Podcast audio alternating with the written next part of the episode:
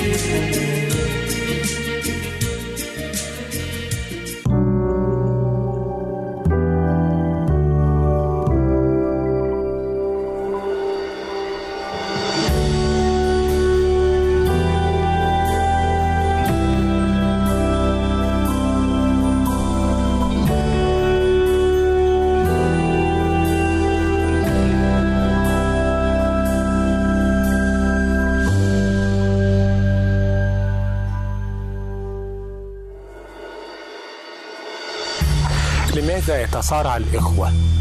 هل لظروف القاهرة دور مهم في نشأة الصراع بين الإخوة؟ هل للوالدين دور أساسي في تأجيج الصراع بين الإخوة الأشقاء؟ هل الطموح الجامح له دور في الصراع بين الشقيقين حتى لو كان توأمين؟ وكيف يحسم الصراع بين الإخوة؟ بالتعويض، بالتراخي، بالزمن أم بأي شيء؟ هل الطموح الشخصي للأخ يمكن أن يفسد علاقته بإخوته؟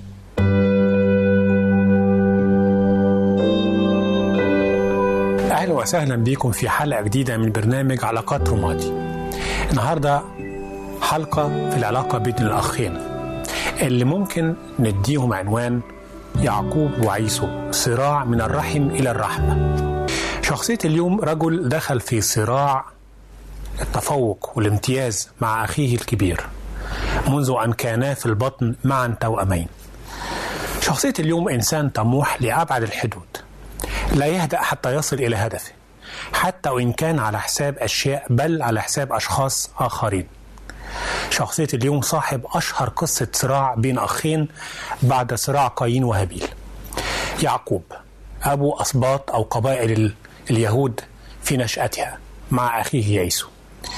شخصية اليوم يمكن أن نرى صاحبها كثيرا حولنا داخل أسر كثيرة وهو يعيش الصراع نفسه مع أخيه لأجل التفوق والامتيازات التي يتمتع بها من هو أعلى كلمة وأكثر تأثيرا في البيت.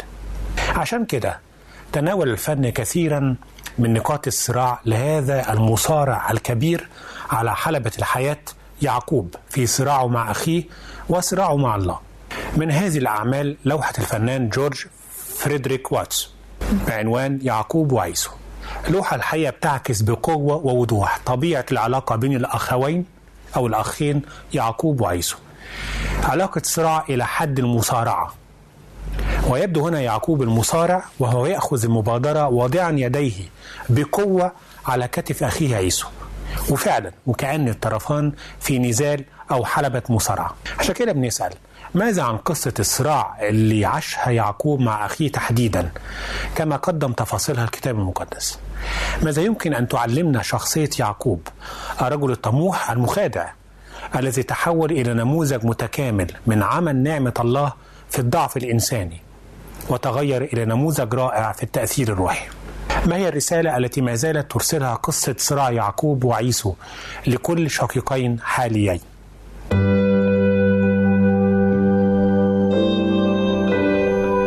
بنيجي للملامح الروحية لشخصية يعقوب وعلاقته بأخيه عيسو. بنسأل السؤال المهم كيف تناول الكتاب المقدس شخصية يعقوب كرجل صارع على أكثر من مستوى خاصة مع أخيه ودفع الثمن غاليا لخداعه ومكره؟ قصة صراع يعقوب وعيسو من الرحم إلى الرحمة بنلاقيها في تكوين أصحاح 29 لغاية أصحاح 30 25 باختصار حملت رفقة في بطنها توأمين ومنذ البطن داخل داخل الرحم بدأ الصراع بينهما حيث يقول الكتاب وتزاحم الولدان في بطنها فسألت الرب فقال لها نبوءة تحققت بالفعل. في بطن في بطنك أمتان ومن أحشائك يفترق شعبان.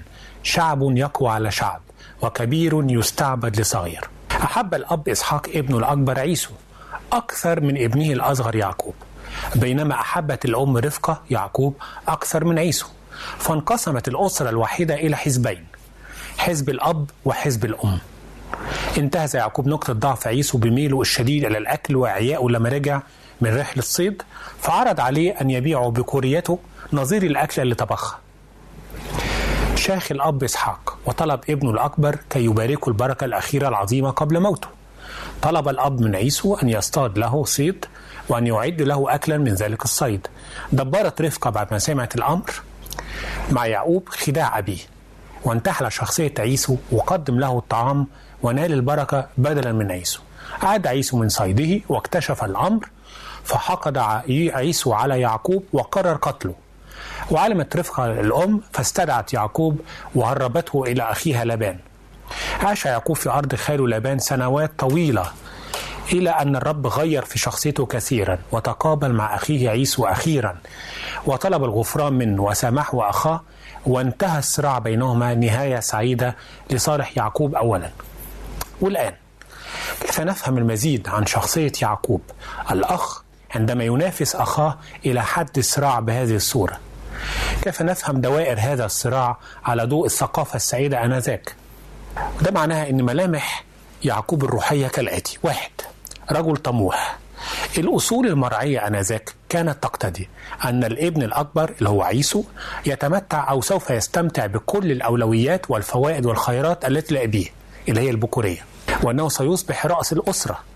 ذلك كله على حساب الابن الأصغر يعقوب في ظنه طبعا. مما كون ونمى صراعا داخليا بين يعقوب وعيسو. اثنين رجل غيور. من الأصول المرعية أيضا آنذاك أن الابن الأكبر يمتهن حرفة العائلة والأب اللي هي راعي الغنم. لكن عيسو الأكبر اتخذ من الصيد هواية ونشاطا مكثفا لحياته. استغرقه بشكل كامل. ونسي مهنة الأب والعائلة مما أتاح ليعقوب بيئة أكثر تأثرا بالحسد والغيرة تجاه عيسو الذي لا يسلك حسب الأصول ولا يستحق في رأيه أن يكون ابنا بكرا وله بركة البكورية. ثلاثة رجل مبارك من الله وده أمر غريب جدا. بعد نواله البركة من أبيه يعقوب بعد ما نال البركة من إسحاق أبوه وبعد سنوات طويلة أدرك يعقوب أن البركة الحقيقية بتأتي من الله بطلب واضح ورغبة قلب مستقيم. فطلب البركة من الله الذي صارعه في مخاضة يبوق قائلا لا أطلقك إن لم تباركني فباركوا بركة أعظم مما باركوا بها أبوه. حيث غير اسمه من يعقوب إلى إسرائيل اللي معناه يجاهد مع الله أو أمير الله. أربعة رجل تعلم الصراع الروحي وليس البشري. تعلم يعقوب أخيرا أن الصراع الحقيقي ليس مع أخيه كي ينال القيمة والقيادة والحب الكامل من الأب.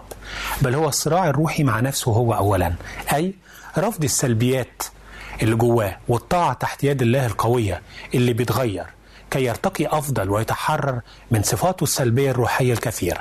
لذلك صارع الله أو الملاك أو الإنسان الذي فهم يعقوب فهم أنه ده كان هو الله. صرعوا في مخاض يبوك حتى النهاية ولم يتركوا إلى أن باركوا. وهو هنا يصارع ليس الله بالدرجة الأولى نفسيا بقى بل يصارع نفسه وروحه بكل ما فيها من ذنوب وخطايا ونقاط ضعف. زي ما بيقول الباحث مايكل أبريمازفي في دراسته لصراع يعقوب مع الله. خمسة رجل تعلم احترام الأخوة روحيا. تحول يعقوب تحول يعقوب على مدار سنوات طويلة. وملف صراع مع أخيه لم يغلق. تحوله ده علمه أنه يتعامل مع أخيه ويفكر فيه كإنسان له كل احترام. فمفهوم الأخوة لديه تحول من مفهوم صراع إلى مفهوم محبة وقبول وقدسية للإنسان بيتعامل معاه وقدسية لإنسانيته. وقدراته ومكانته التي يجب أن تحترم. فإن كانت دي الملامح الروحية ليعقوب المصارع الطموح اللي دفع ثمن طموحه وصراعه مع أخيه باهظا زي ما رسمها الكتاب المقدس. نكمل زي الصورة بتاعت هذه الشخصية. ماذا عن الملامح النفسية لشخصية يعقوب كرجل؟ والذي يمكن أن يكون الحقيقة نموذجا لرجال كثيرين في عصرنا لهم طموح وصراعات مع إخوتهم.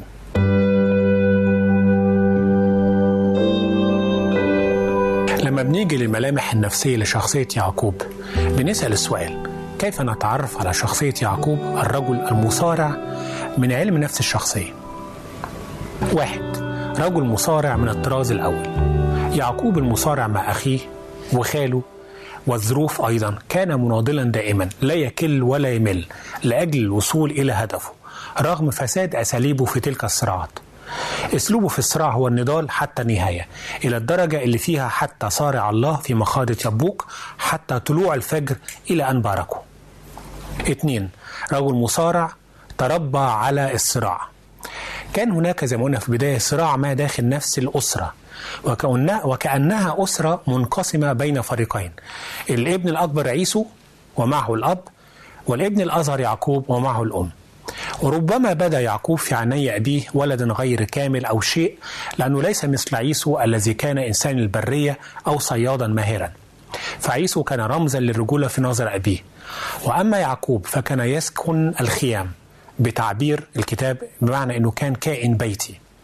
ثلاثة رجل مصارع واسع الحيلة والمكر. عندما طلب عيسو من يعقوب أن يطعمه مما طبخه لأنه كان مرهق وجائع قال له يعقوب بعني اليوم بكوريتك وهنا استغل يعقوب بمكر حاجة أخيه إلى الطعام عشان ينتزع منه أغلى ما لديه البكورية اللي كانت تعني الكثير آنذاك. كانت تعني الكثير ليعقوب تحديدا. وكأنه كان يعقوب كأنه كان بيتحين الفرصة للانقضاض على امتياز أخيه الذي ربما سبب له قلق وغيرة. أربعة رجل مصارع متعدد المواهب يبدو يعقوب من قصة صراعه مع عيسو والناس أنه متعدد المواهب فهو متحمس متحفز نشيط. يعرف كيف يضع الأهداف شديد المنافسة لأجل النجاح. مغامر بأفكار جديدة عندما أفلح في تنمية ثروة خاله لابان وعندما أفلح في تغيير الصفات الوراثية لغنم خاله وجعلها مرقته كما أن لديه القدرة العجيبة على التكيف أينما حل واستقر. فهو يتمتع بقدرة مدهشة على تغيير تركيزه العقلي والنفسي بسرعة هائلة من هدف إلى هدف جديد لأنه عقله بيعمل بصورة متوهجة. فقد عمل يعقوب سبع سنوات لأجل رحيل وعندما تغير الهدف عمل سبع سنوات أخرى من أجلها. استقر مع خاله لابان سريعا ثم قرر الرحيل لأجل هدف جديد ونجح في ذلك. ثم قرر هدف آخر وهكذا فهو سريع التفكير واتخاذ القرارات. خمسة يعقوب رجل مصارع يشعر بضعف ما في الرجولة. الحقيقة نقطة غريبة شوية. عندما خططت رفقة, رفقة أمه لكل شيء كي يسرق البكورية من أخيه عيسو ويحتال على أبيه قال يعقوب لأمه تعبير ملفت. هو ذا عيسو أخي رجل أشعر وأنا رجل أملس. وهو في ذلك كان يخشى افتضاح أمره. لكن التعبير ده الحقيقي ربما يعكس وضع حالة يعقوب كرجل. ربما كان يعاني إحساس ما بالنقص في رجولته فهو رجل أملس بينما أخوه كان رجل أشعر رمز للقوة. أما هو فهو أملس ربما رمز للضعف حسب الثقافة السائدة. ونحن ماذا يمكن أن نتعلم من شخصية يعقوب الرجل المصارع عائليا وروحيا ونفسيا؟ ومن علاقته بأخيه عيسو. كيف يجب أن نتعامل مع مثل هذا الرجل الطموح المصارع بقواعده الخاصة هو؟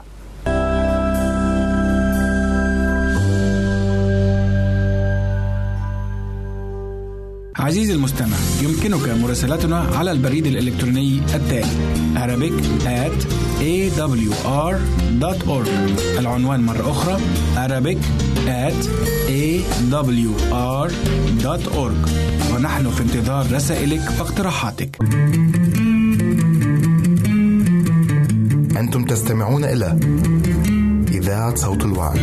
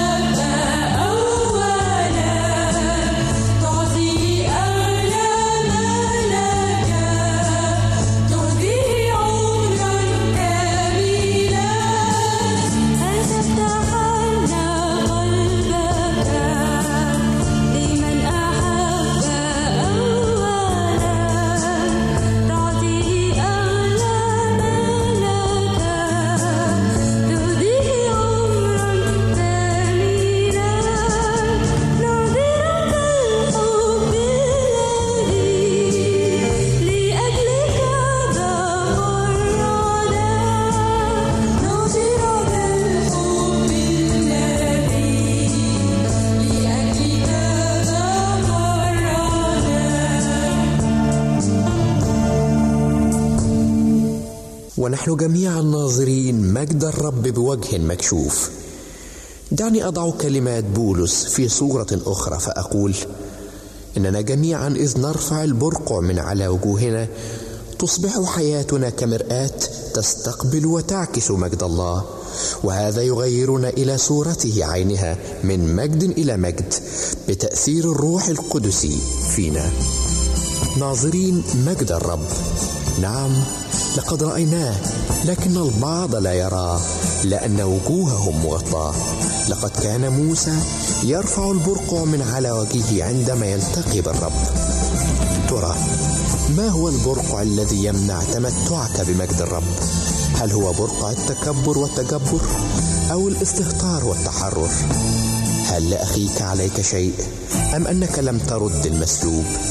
إن بعض المؤمنين كالنعامة يضع رأسه في رمال الخطية ويظن أن الرب لا يراه لأن برقع الشر قد أعمى عيناه. أيها المؤمن ارفع البرقع في حضرة الرب. اكشف له قلبك. انزع خطيتك لترى مجد الرب. مجدا كما لوحيد من الآب مملوءا نعمة وحقا.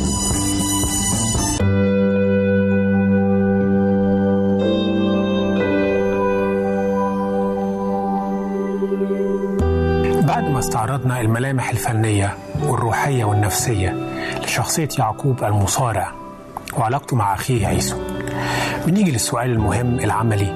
كيف نتعامل مع شخصية رجل مثل يعقوب في صراعه كي يصل إلى الشيء بالرغم من فقدان أشياء كثيرة غالية؟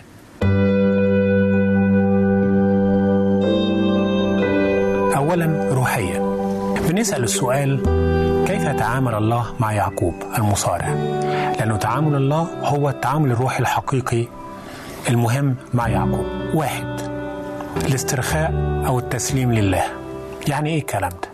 ألف التفكير في شريط الماضي.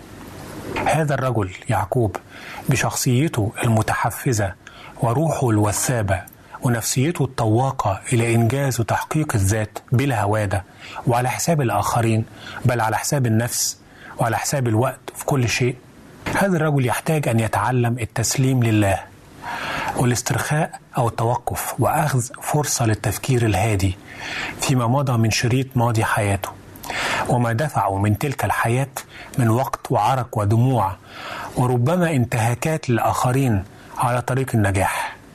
فالله قد علم يعقوب إن الحياة ليست صراعا طويلا مع الآخرين بلا هوادة بل هناك أوقات نتوقف فيها لنفهم ونتأمل ونعي. وربما راجع نفسه كتير يعقوب عندما كان فعلا في أرض خاله في هذه السنوات الطويلة. ربما راجع الماضي كثيرا وندم وعرف غلطته اتنين الاتكال الكامل على قوة الله. بمعنى إيه؟ ألف قوة الله لا المواهب.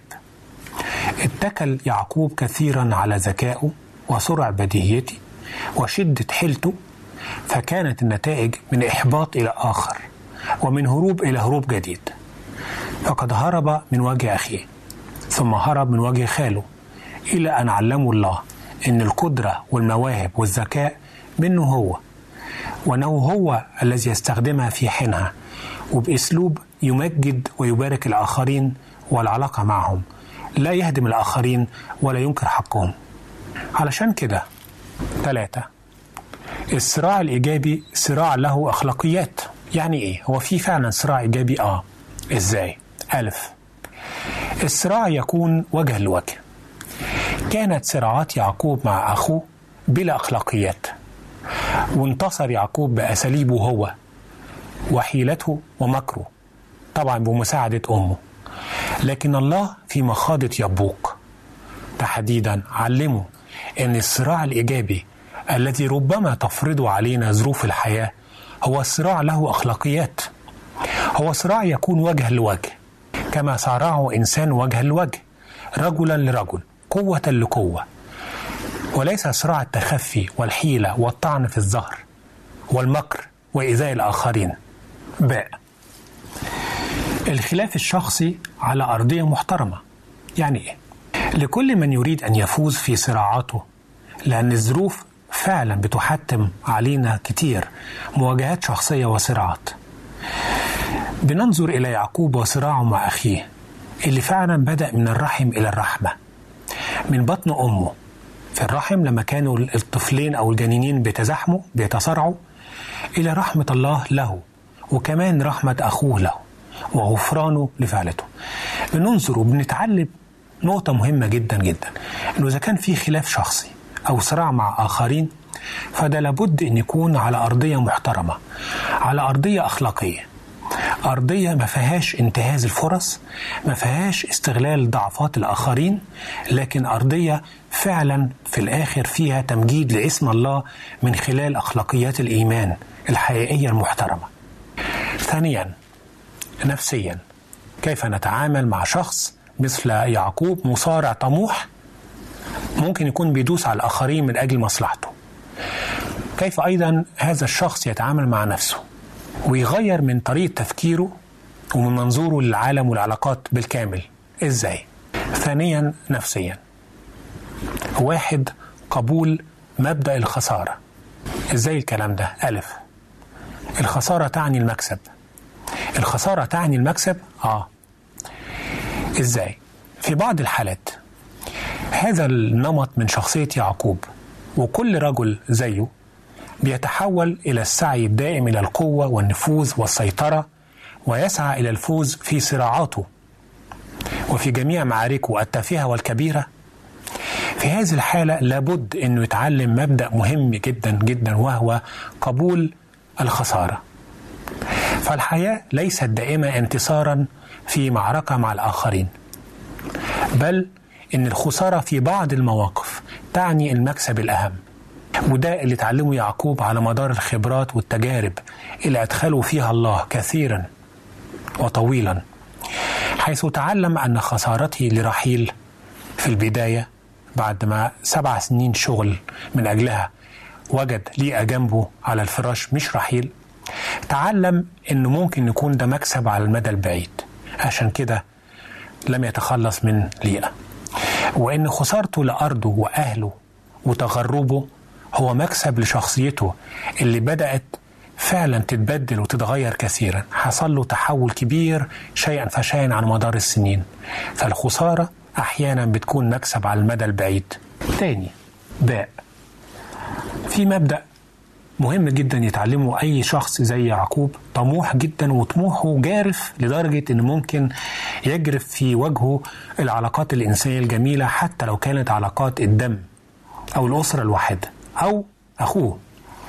المبدأ ده هو مبدأ مكسب مكسب أو وين وين الحقيقة علوم الإدارة والعلاقات اليوم اللي في أدبيات العلاقات واللي بتفض أو بتحل الصراعات والنزاعات بتتكلم دلوقتي عن مبدأ مكسب مكسب بيسموه وين وين فليس بالضرورة الحقيقة في أي صراع أو اختلاف أن يفوز الواحد ويخسر الآخر أن يعيش الواحد ويموت الآخر أن يبقى الواحد ويدمر الآخر.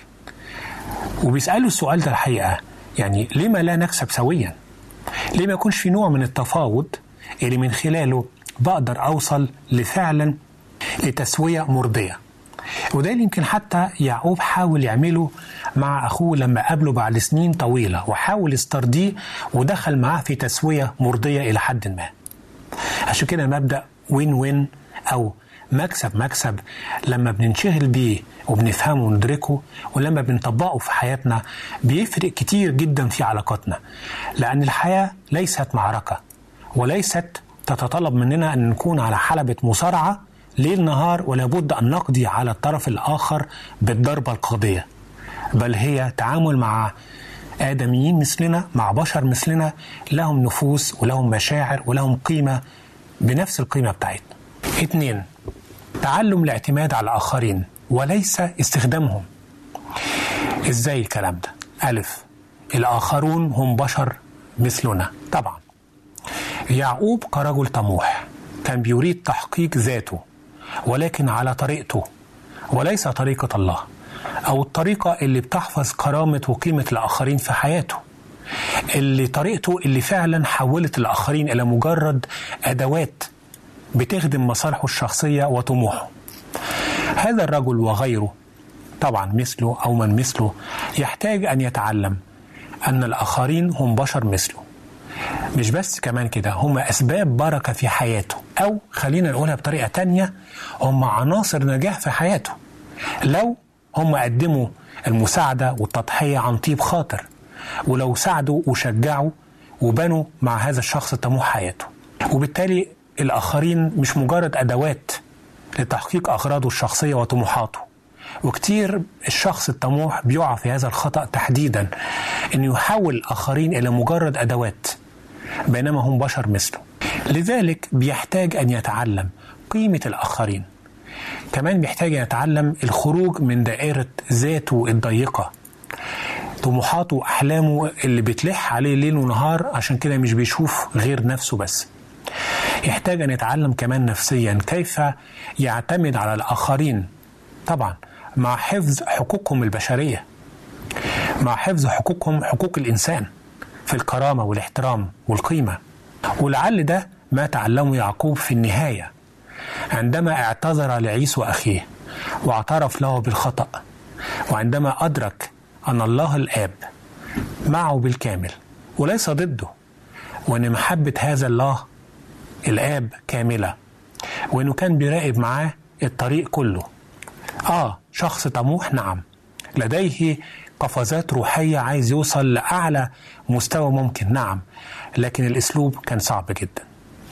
عشان كده خلينا نختم ونقول للشخص الطموح إنه كل شخص عنده قدر ما من المواهب والقدرات ربنا اداهم وإذا كان فعلا المثل القائل مثل الوزنات أن هناك من أعطى لهم ثلاثين وآخر ستين وآخر مئة اللي جابوا هذه الوزنات فعلا كل شخص له حدود في الطموح وله حدود في المواهب والقدرات. والنقطة الأهم المركزية في الموضوع كله هو أن أضع هذه المواهب والقدرات بين يدي الخالق القدير اللي بيبارك فيها اللي بيديني المعونة والقدرة إن أنا أستثمرها أحسن استثمار واللي من خلالها بيديني حذر شديد أن يكون الآخرون في حياتي عوامل مساعدة عوامل بركة أتكامل ويتكاملوا معايا وليسوا مجرد أدوات. أستخدمهم وقت ما أنا عايز وأتركهم وقت ما أنا عايز لأنه الثمن اللي دفعه يعقوب من حياته أيام عمره كان ثمن فادح جدا لطموحه ورغبته أن يكون من البداية. هو صاحب البكرية وصاحب الكلمة في البيت وصاحب الميراث وصاحب كل شيء. لكن الله علمه أن هناك حدود لكل شيء. الشخص الطموح المصارع. ربما تضع الظروف في صراع مع الآخرين. يحتاج إلى أخلاقيات الإيمان أخلاقيات الكتاب المقدس. اللي بتقول أنه نعم أنت مدعو أنك تستثمر كل طاقاتك مش بس لنفسك لكن أيضا للآخرين. والحقيقة بيبقى تيست مختلف خالص من الحياة. لما تكون أنت ناجح والآخرين من حولك اللي ساعدوك يشعرون بالمساهمة في هذا النجاح. وإلى حلقة قادمة إن شاء الله.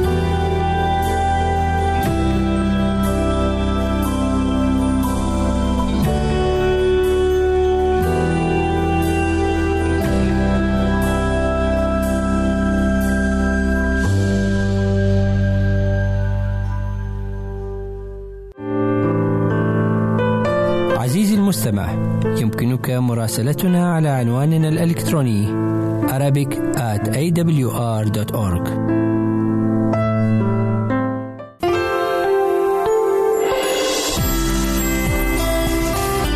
هنا إذاعة صوت الوعد. لكي يكون الوعد من نصيبك. يمكنك مشاهدة هذا البرنامج على قناة الوعد أو على الويب سايت www.l-wad.tv www.al-waad.tv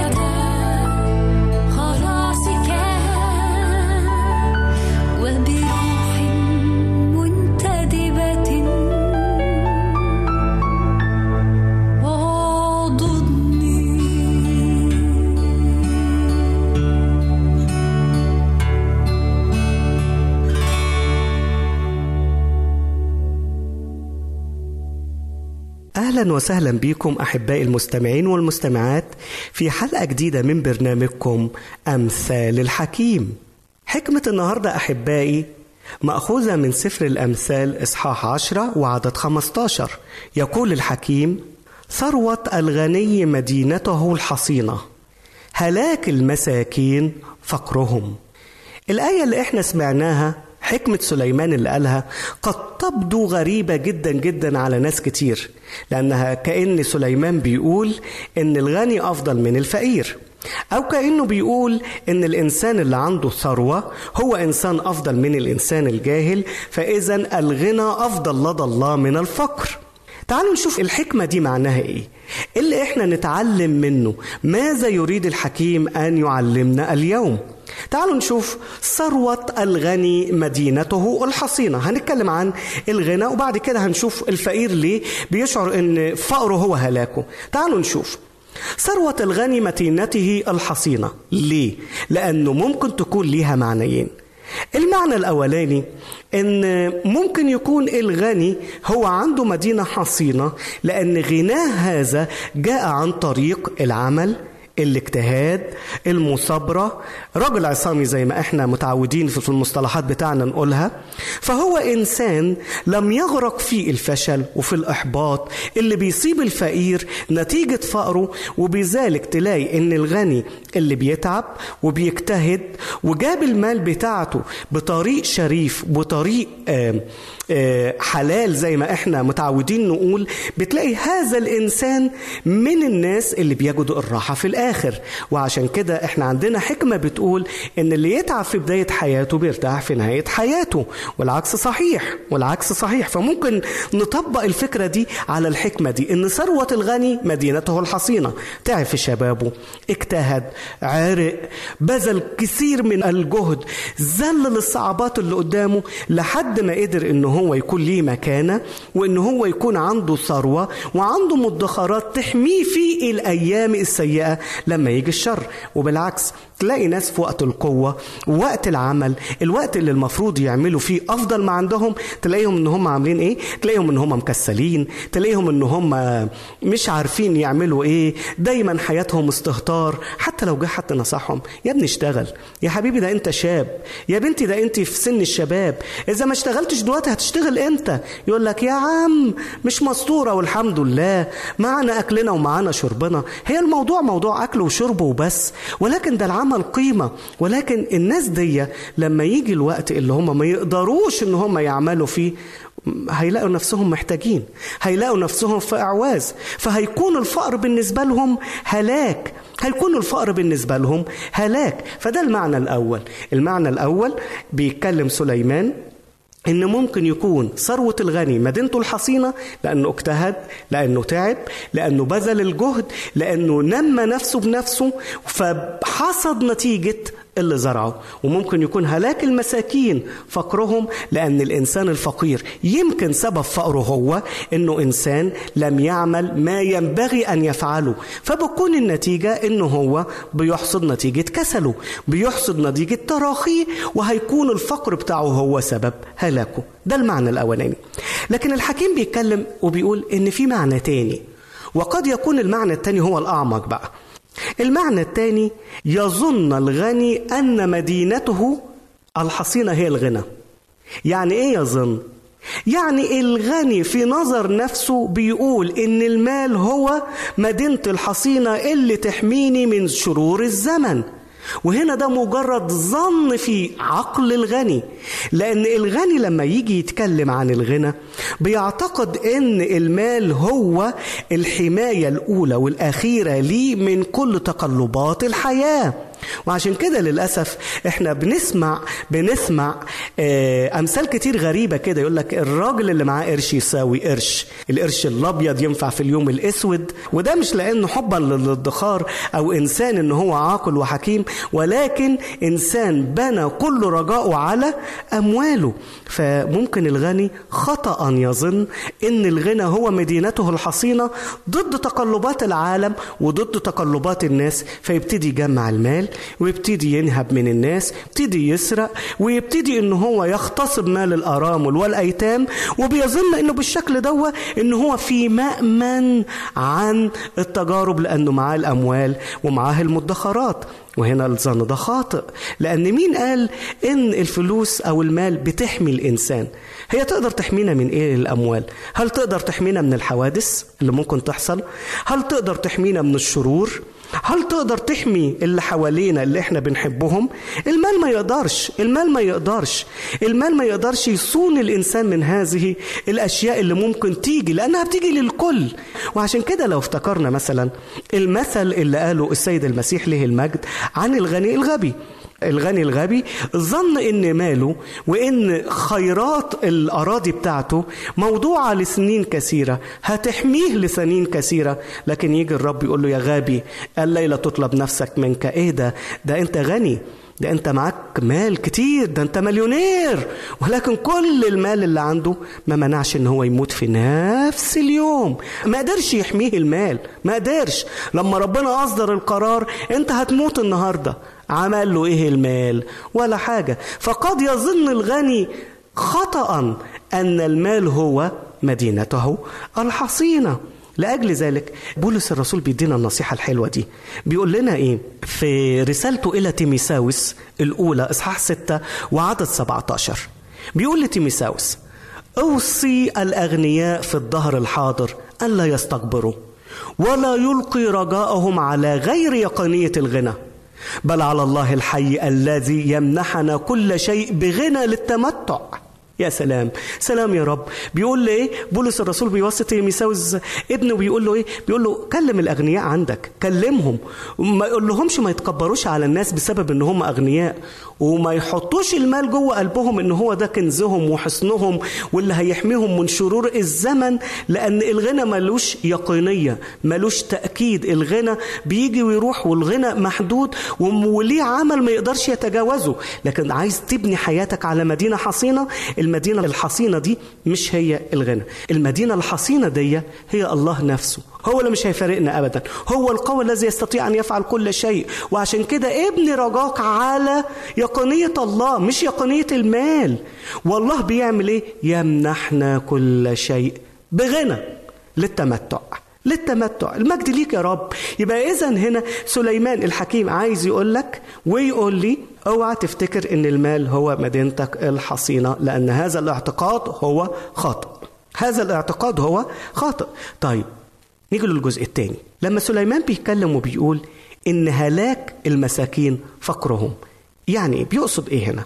سليمان عايز يقول لنا الحكيم عايز يكلمنا وبيقول لنا إن زي ما قلنا في الأول ان ممكن يكون الفقير بسبب كسله مش لأنه مجبر على كده مش لأنه بيعمل أحسن ما عنده وبرغم من كده فقير ومعظم العالم بيعملوا كده لكن في بعض الفقراء هم اختاروا لأنفسهم انه يكونوا فقراء اختاروا بسبب الكسل بسبب عدم الاجتهاد في العمل. بيكون النتيجة للناس اللي زي كده إنهم مش قادرين يتطوروا في حياتهم. ولما يجي وقت الشر عليهم ما بيعرفوش يتصرفوا ويبتدوا يحتاجوا ها؟ فبكون عدم اجتهادهم في الوقت المناسب هو خرابهم وهو دمرهم عندما يجدوا وقت الشر. وممكن يكون المعنى أيضا بالمعنى العكسي. قد يظن الفقير أن فقره هو سبب دماره. قد يظن خطأ الفقير إن فقره هو سبب دماره بما إني فقير بما إني حاولت اجتهدت ولكن مفيش نتيجة. أنا زي ما أنا إذا مفيش أمل إذا مفيش تقدم إذا أنا هفضل زي ما أنا عايش الحياة دي. سليمان يقول له استنى استنى استنى ما تيأس ما تيأس. اللي انت بتفكر فيه خطأ اللي انت بتفكر فيه مش صح مش كونك ان انت فقير معناها ان انت انسان انتهيت أو اتدمرت لا لا لا لا ما تفكرش بالطريقة دي ليه؟ لأن ممكن فعلا تكون إنسان فقير، ممكن ما يكونش معاك المال الكفاية، ممكن ما يكونش معاك الإمكانيات، ممكن تواجه مشاكل ولكن بالرغم من ذلك أنت إنسان تقي. انت انسان ماشي مع ربنا. ضميرك مرتاح يا أخي. ضميرك مرتاح. وضميرك المرتاح ده بسبب ان انت ماشي في مخافة الرب. ده الرب هيباركك عليه. والرب هيديك بركات لا تحصى. وفي وقت الشدة ربنا هيقف معاك وينقذك بالرغم من انك فقير. فممكن الانسان يكون فقير ويكون سعيد. مين قال إن كل الأغنياء سعداء؟ أو كل الفقراء تعساء؟ لا يا جماعة مفيش تعميم لكده أبدا. مفيش تعميم لكده أبدا. وممكن تلاقي إنسان فقير ولكنه مرتاح الضمير ومرتاح القلب بينام بهدوء مش حاسس إنه ظلم حد. راضي ربنا في كل شيء لأنه بيسلك بالأمانة وعنده إيمان حي بالله وبيقول الله موجود هو معتني بيا وعشان كده حياته لذيذة وسهلة بالرغم الفقر اللي عنده. فهنا سليمان بيقول له يا فقير يلي انت بتظن نفسك انك في هلاك ما تخافش ظنك ده خاطئ لأن الله موجود معاك فالله يقدر يخليك سعيد ومرتاح وهيكون غناك الحقيقي في السماء لما الرب يجي وتتعدل الأحوال. فإذا لا الغنى ضمان إن الإنسان في أمان ولا الفقر معناها إن الإنسان في هلاك. يلا نتعلم نعمل أحسن ما عندنا باجتهاد. الإنسان المؤمن مش ممكن يكون إنسان كسول. مشيئة ربنا لينا إن إحنا نجتهد لحياتنا. الموظف في مكتبه يجتهد. حتى المرأة في بيتها تجتهد في أعمال بيتها وتعمل أحسن ما عندها. وأنت يا ابني اللي بتدرس في مدرسة ذاكر باجتهاد. وربنا بالتأكيد هيكلل الاجتهاد والتعب بالنجاح والتفوق. حتى إذا ما وصلناش لدرجات أعلى من الرقي. ولكن هتحس إن أنت عملت اللي عليك وربنا هيباركك في كل شيء. ربنا يساعدنا. سعدت بلقائي معكم على أمل اللقاء مرة أخرى. سلام الرب مع جميعنا. آمين. إذا أردت دراسة الكتاب المقدس يمكنك الكتابة إلينا على عنواننا وستحصل على هدية قيمة بعد انتهائك من الدراسة.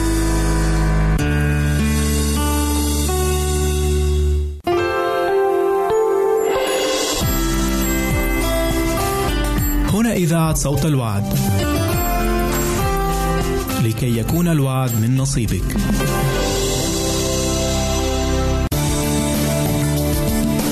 أنتم تستمعون إلى إذاعة صوت الوعد.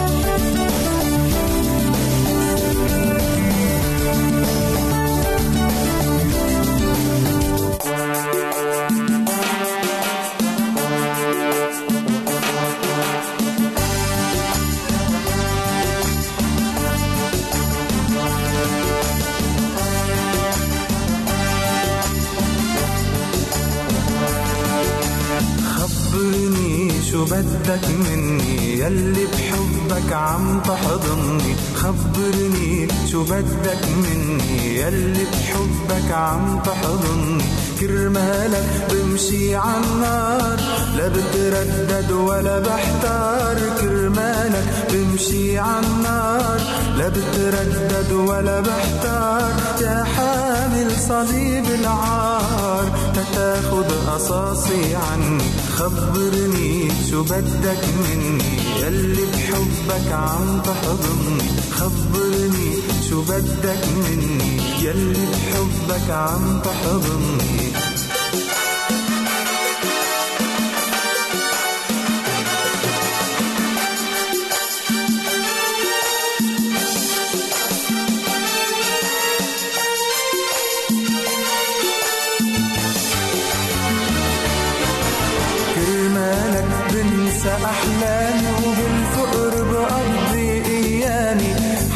أعيش العمر بقربك برضى يكون الشوك حرامي.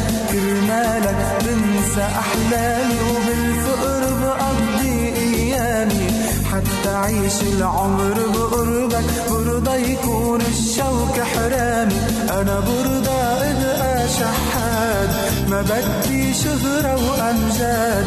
أنا برضى أبقى شحات. ما بدي شهرة وأمجاد ولا بدي زيدوا بإكرامي لغيرك ما بقى رح غني كرمالك بمشي عالنار لا بتردد ولا بحتار. كرمالك بمشي عالنار لا بتردد ولا بحتار. يا حامل صليب العار. تتاخد قصاصي عني خبرني شو بدك مني يلي بحبك عم تحضني خبرني شو بدك مني يلي بحبك عم تحضني.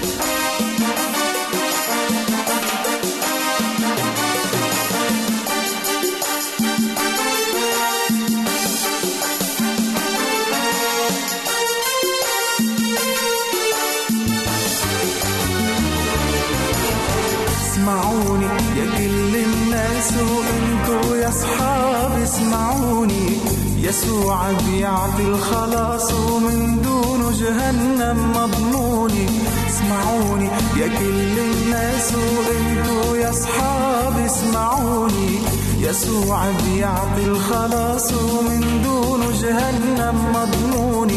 نحن المنقرر يا خي وين بدنا نمضي الأبدية نحن المنقرر يا خي وين بدنا نمضي الأبدية في عنا كل الحرية حتى نختار الجنة كرمالك بمشي عالنار لا بتردد ولا بحتار. كرمالك بمشي عالنار لا بتردد ولا بحتار. يا حامل صليب العار. تتاخد قصاصي عني. خبرني شو بدك مني. يلي بحبك عم تحضن. خبرني شو بدك مني. يلي بحبك عم تحضن. كرمالك بمشي عالنار لا بتردد ولا بحتار. كرمالك بمشي عالنار لا بتردد ولا بحتار. يا حامل صليب تتاخد قصاصي عني. خبرني شو بدك مني. خبرني شو بدك مني. خبرني شو بدك مني. يلي بحبك عم تحضن